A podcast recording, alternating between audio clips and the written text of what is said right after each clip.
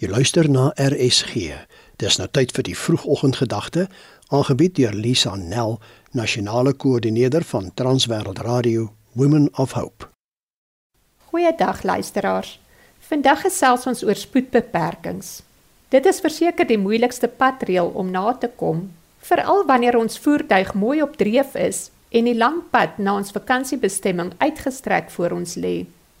Spreuke 13 vers 3 praat van 'n totaal ander spoedbeperking. Maar Salomo stel die saak baie mooi wanneer hy sê die mens wat sy mond bewaak, bewaar sy lewe. Hy wat te veel praat, sal verwoesting op homself bring.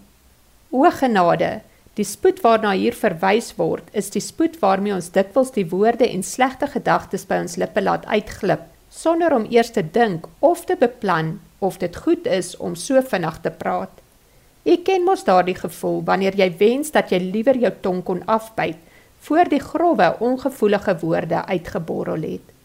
Net soos met enige ander aksie of daad wat ons doen, moet ons goed besin en ons woorde tel voordat ons versnel. Spreuke 15 vers 1 sê: "’n Sagte antwoord keer die grimmigheid af, maar 'n krenkende woord laat die toorn opkom." Is ons nie maar dikwels die oorsaak dat baie spoedfoute uitloop op 'n ewige woordewisseling nie?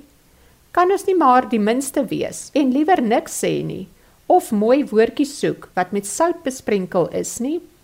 Die wêreld ken God nie. Daarom wil hy hê dat ons die spoedbeperking sal gehoorsaam wat hy vir ons uitspel, sodat ons selfbeheersing kan toepas in alles wat ons dink of doen of aan mekaar sê. In Jesaja 49 vers 6 sê God vir sy volk: Ek het jou gemaak tot 'n lig van die nasies. My liewe luisteraar, laat jou liggie helder skyn en hou by die spoedbeperkings. Dit was die vroegoggendgedagte hier op RSG, aangebied deur Lisa Nel, nasionale koördineerder van Transwêreld Radio Women of Hope.